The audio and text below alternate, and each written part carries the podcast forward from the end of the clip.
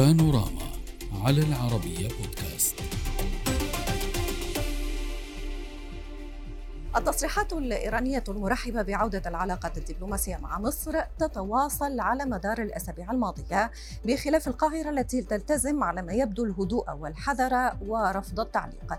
أحدث هذه التصريحات الإيرانية أطلقها عضو لجنة الأمن القومي والسياسة الخارجية بمجلس الشورى الإيراني شهريار حيدري عبر أو عبر خلالها عن تفاؤله بأن القواسم المشتركة المختلفة بين إيران ومصر في القضايا الدولية ستؤدي إلى تطوير العلاقة الثنائية. وأشار حيدري إلى أن افتتاح سفارتي البلدين من شأنه تحسين العلاقات بين طهران والقاهرة وفق وكالة الأنباء الإيرانية إيرنا. وكان من أبرز التصريحات الإيرانية ترحيب المرشد الإيراني علي خامنئي باستئناف العلاقات بشكل كامل مع مصر والتي أعقبها في اليوم التالي تصريحات المتحدث باسم الحكومة الإيرانية عن استعداد حكومة بلاده لتعزيز العلاقة مع مصر. مؤكدا أن الرئيس الإيراني لفت إلى أهمية اتخاذ الإجراءات اللازمة في هذا الشأن من جانب وزارة الخارجية. أما القاهرة فربما تصريح الرسم الوحيد الذي أطلقته كان في منتصف مايو الماضي وتمثل بنفي وزير خارجيتها لما تردد عن وجود مسار مصري إيراني. ووصف الوزير أنذاك تلك الأخبار بالتكهنات لافتا إلى أنه عندما تتوفر مصلحة في تغيير منهج ما فبالتأكيد ستلجأ القاهرة لتحقيق المصلحة وفق قوله. نناقش هذا الموضوع مع ضيوفنا من طهران مصدق بور الكاتب والأستاذ في العلوم السياسية. أهلا بك أستاذ بور ومعنا من القاهرة الدكتور عماد جاد عضو لجنة الشؤون الخارجية في البرلمان سابقا ومستشار مركز الأهرامات للدراسات. أهلا بكم وشكرا على الحضور معنا. واسمحوا لي أن أبدأ من القاهرة. معك دكتور عماد. دكتور عماد في ظل كل هذه التصريحات الإيرانية في المقابل لم نتابع حتى الآن تعليق مصري واضح بما يفسر ذلك. يفسر بالحقائق التاريخية التي تقول أن إيران هي من بادرت بقطع العلاقات الدبلوماسية مع مصر واتخذت سياسات عدائية آه، وتدخلت في الشؤون الداخلية المصرية. يكفي أن أقول لحضرتك آه، أن هناك أحد شوارع طهران مسمى باسم قاتل السادات خالد الإسلامبولي. يعني هذا نوع من آه، تحدي لمشاعر الشعب المصري ولمصر أيضا إيران هي التي قطعت العلاقات ومصر لم تقطع العلاقات. أيضا إيران زي ما كلنا عارفين ومش عايز أدخل في التفاصيل اتبعت منهج من سنة 79 منذ ثورة الخميني بتصدير الثورة وهو كان تصدير للاضطرابات وتواجد في عواصم عربية عديدة ودخول في مهاترات كثيرة مع مصر يعني لدرجة أننا شهدنا مثلا حديث إيراني رغم انهم قطعوا العلاقات وقاموا بكل شيء. حديث عن لابد من اعتذار مصر عن وقوفها بجانب العراق في الحرب العراقية الإيرانية وأمور كثيرة. يعني إيران هي التي اتخذت القرار هي التي سارعت بمحاولة تطوير العلاقات في السنة التي حكم فيها محمد مرسي من نعم. جماعة الإخوان المسلمين.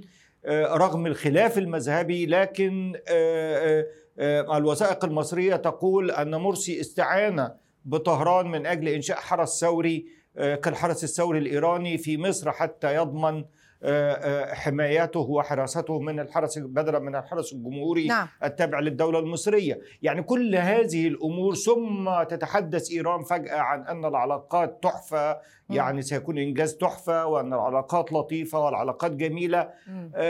في هذا الأمر قد تكون العلاقات لطيفة وتحقق مؤكد مصلحة البلدين. نعم. لكن على الأقل لابد من التريث واختبار السياسات طيب. الإيرانية. لابد من التريث؟ حضرتك تقول دكتور عماد حضرتك تقول لابد من التريث. أفهم منك بأن إيران تسرعت. خليني أنقل هذه النقطة للأستاذ بور. أستاذ بور نتحدث لابد من التريث. يقابلها بأن الطرف الآخر تسرع صح ولا لا دكتور؟ يعني لم آتي بشيء من عندي. مش بالضرورة. مش بالضرورة؟ طيب. لا لا لا ما قصدتش طيب أنا خليني ما أنا خليني ما قصدتش يعني مش بالضرورة طيب. التريث إيه خليني أغيرها. يجب على إيران أن تتريث أصح؟ طيب. أستاذ بور هل يجب على إيران أن تتريث؟ لأنه نحن في الواقع أمام تصريحات من المرشد الإيراني الذي يرحب من المتحدث باسم الحكومة الذي آه، يعبر عن استعداده لعودة العلاقات آه، عن عضو آه، لجنة الأمن القومي السياسي كذلك يتحدث عن ترحيب واستعداد. ما الذي نفهمه من موقف إيران؟ أنا أعتقد يعني هذه المبادرة الأخيرة أو هذه الدعوة الأخيرة قبلت بالترحيب من الجانب الإيراني على أعلى المستويات كما تفضلت من السيد الخامنئي المرشد الأعلى وكبار المسؤولين وحتى في الشارع الإيراني ولكن من الجانب المصري آه، هناك صمت أنا أعتقد يعني آه، ما تفضل به الأستاذ يعني نحن آه، يعني قد ما نرش الملح على الجروح الماضية. يعني هناك أخطاء بذلت من الجانبين من دون شك ومصر كانت هي البادئة بهذه الأخطاء. يعني عندما آه، انتصرت الثورة الإسلامية في عام 1997 آه، هرب الشاه من إيران وكان مطلوبا من قبل 79 نعم كان مطلوبا من قبل آه، المجلس الثوري ومن قبل الشعب. وكل الدول لم تمنح له اللجوء يعني وبالتالي مصر هي استقبلته. ولكن على فكرة موضوع التباعد سيد حضرتك تعلم بأنه قبل 79 قبل الثورة. صحيح بأن هناك تاريخ مصاهرة بين البلدين ولكن آه، تخللت كذلك نعم هذه نعم. الحقبة خلافات عديدة. نعم. سأتناول نعم. هناك تاريخ آه، ناصع بين. البلدين وبين الشعبين إلى مستوى أن هناك إخوان مصريين لنا في في مصر يحملون أسماء إيرانية. يعني فريدون كتايون وما إلى ذلك. يعني أنا آه، أريد أن أقول يعني آه، امتنعوا عن تسليم وآو الشاه. بعد ذلك عندما أشعل صدام حسين الحرب آه، حربها مفروضة على إيران مصر أيضا دخلت إلى هذه الحرب إلى جانب صدام. هذا اثنين. وبدأ الأداء من منذ ذلك الوقت يعني كانت هذه كل الاسباب اليوم مصر آه، أعتقد أنا شخصيا يعني بتقديري نحن نتمنى طبعا أن تكون هناك علاقات ولكن بتقديري هذا الشيء سوف لن يحدث يعني عندما نسمع من هذا الأخ يتحدث بهذه الطريقة مم. حتى الشارع يعني طيب آه، خلينا نفهم أنتم المنطق أيضاً المصري هم أيضا أي والعقلية. هم أيضا لديهم شارع هم أيضا لديهم شارع اهلوي آه، آه، وقبر الشاه هناك أيضا موجود وهم. أيضا قاموا بأعمال يعني طيب. خلينا خلينا الشعب الايراني خلينا نفهم أيضاً أكثر لم لو سمحت لي أستاذ بور خلينا نفهم أكثر ربما من خلال ضيفنا دكتور عماد العقلية المصرية والمنطق المصري ضيف يقول لك دكتور عماد بانه العودة للاطلال أو الوقوف على أطلال الماضي العودة لفترات الخلاف العميق بين الطرفين لن يفيد المسار في شيء لن يفيد التقارب في شيء. حضرتك بما يمكن أن ترد على ذلك. اولا يعني أرجو يعني قدر من الهدوء في الكلام لأنه بيقول هذا الأخ وهذه في اللغة العربية إشارة يعني غير مهذبة. يعني مسألة هذا الأخ فيها نوع حضرتك من حضرتك أنا ضيف مبجل وأخ عزيز. اي ربما قالها عن حسني لا يعني أقصد أقول كلمة أي. هذا الأخ لا يعني أنا بتحفظ عليها طيب يعني مش وصلت لكن أتحفظ عليها وصلت بس. الفكرة طيب تفضل النقطة الأساسية م. النقطة الأساسية بقول لحضرتك إنه المسألة محتاج إنه إيران دولة عميقة في التاريخ ومصر كذلك هو محتاج يدرس تاريخ مصر بس يعرف إنه حاكم ألبانيا ملك ألبانيا حينما خلع جاء إلى مصر ومصر استقبلته ولا تسلم من يلجأ إليها. ملك اليونان حينما جاء إلى مصر هاربا من ثورة في اليونان استقبلته مصر. يعني مصر اعتادت على استقبال حتى السودان حينما انقلب على نوميري جاء إلى مصر ولم يتخذ النظام الجديد موقفا سلبيا. يعني استقبال اللاجئين الذين يبحثون عن الملجا هذا منهج مصري منذ عهد الملك منذ العهد الملكي الذي تمت فيه المصاهرة. اتنين أنا اللي أنا قلته حضرتك ببساطة شديدة أنا لا أقف على أطلال لكن أنا قلت واحد آه، إنه غير صحيح إن مصر دخلت آه، الحرب ضد إيران هي قدمت مساعدات فنية لدولة عربية حررت جزيرة الفاو قدمت مساعدات فنية نعم. واستشارات عسكرية لأن العراق دولة عربية فبالتالي وأراضيها محتلة فساعدتها في هذه المسألة الآن إيران تقدم السلاح مش عايز أقول للحوثي وغيره وحزب الله وكذا وكذا. نحن لم نحاسبكم على هذا الأمر يعني رغم نشر الفساد والخراب في مناطق كثيرة. المنطق المصري يقول أن من بادر بقطع العلاقات هو إيران. اثنين أن من أطلق مسمى قاتل السادات على شارع كانت طهران كان نظام الخميني سنة 79 نعم. هم الذين بادروا بذلك. واتخذت موقف عدائي وحاولوا تحسين العلاقات واستغلال الفرصة في فترة محمد مرسي كويس؟ م. وهذا أمر حساس بالنسبة للشعب المصري اثنين أنه حينما تأخذ هذه المواقف وتعادي وتتعاون مع الإخوان المسلمين وتعمل كذا وكذا وتعادي الشعب المصري وتعادي ثوراته و و و لما تيجي فجأة تقول لي والله أنا حبيتك وليا معاك مصالح مم. طب ما إحنا ما, ما فيش حاجة اسمها روابط مشترك في حاجة اسمها مصالح صحيح. أهلا وسهلا بالمصالح بس لازم تقول لي السياسات دي كلها واخدها ليه مم. إذا أنت هتلعب دور إيران كجار إقليمي يحترم الاستقرار والأمن ولا يتدخل في الشؤون الداخلية للدول المجاورة أهلا وسهلا على راسي. آه، أكيد آه، إقامة هو صحيح البعض قد. يستغرب دكتور لكن هل المصلحة مم. مم. توازي. هو هو نعم. في الواقع حضرتك طرحت دكتور عماد نقطة جدا ملفتة قلت بأنه آه، ليس هناك خطوة أولى لتقريب التعامل وفجأة وجدنا أنفسنا أمام تصريحات وهذا قد يستغربه البعض. وهنا سؤال أستاذ بور آه، عادة لما نتحدث عن مسار تقارب بين دولتين يسبق آه، تسبق التصريحات آه، شيء في الخفاء. وراء الأبواب المغلقة تكون هناك عادة يكون هناك حديث يكون هناك شبه تقارب يكون هناك شبه اتفاق مبدئي على الأقل على أسس. ولكن ما نسمعه من الدكتور عماد بأنه حتى داخل الأوساط المصرية ليس هناك حديث عن هكذا تقارب. طيب بما تفسر هذه التصريحات الإيرانية إذا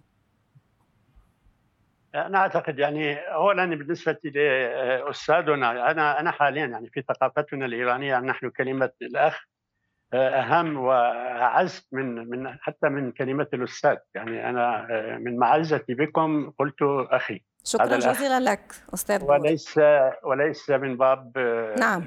آخر. أكيد مفهوم. أرجو- تفضل أكمل أن يعني تفهموا هذا الشيء. أي مفهوم. آه، تفضل.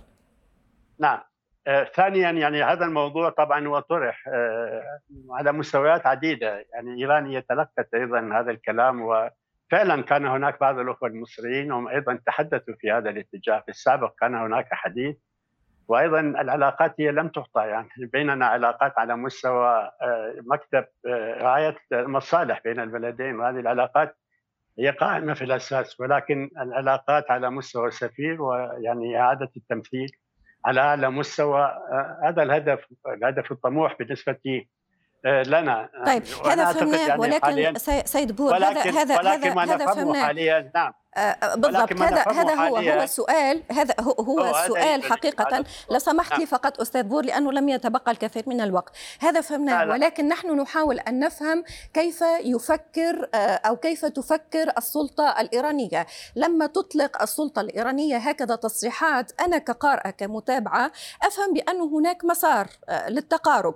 ولكن لما آه، أستمع للطرف المقابل ويقول لي ليس هناك شيء آه، ليس هناك تسريب آه، ليس هناك آه، خطوة للتقارب. آه، سؤالي ما الذي تهدف له إيران من خلال هكذا تصريحات؟ لا اولا الحكومة هذه الحكومة الجديده عندما يعني شرعت حتى خلال يعني حملتها الانتخابية هي- وضعت يعني من موضوع در- آه، التوتر الاقليمي وإعادة تطبيع العلاقات مع الدول العربية جميعا من دون استثناء. هذا شيء يدخل في هذا الصلب. يعني آه، ربما المبادرة هي من قبل إيران. ربما إيران هي من آه، تمد يدها إلى مصر آه، ويبقى على مصر. يعني هي هي حرة آه، في قرارها. إن تقبل هذه اليد تصافح هذه اليد نعم. أم لا.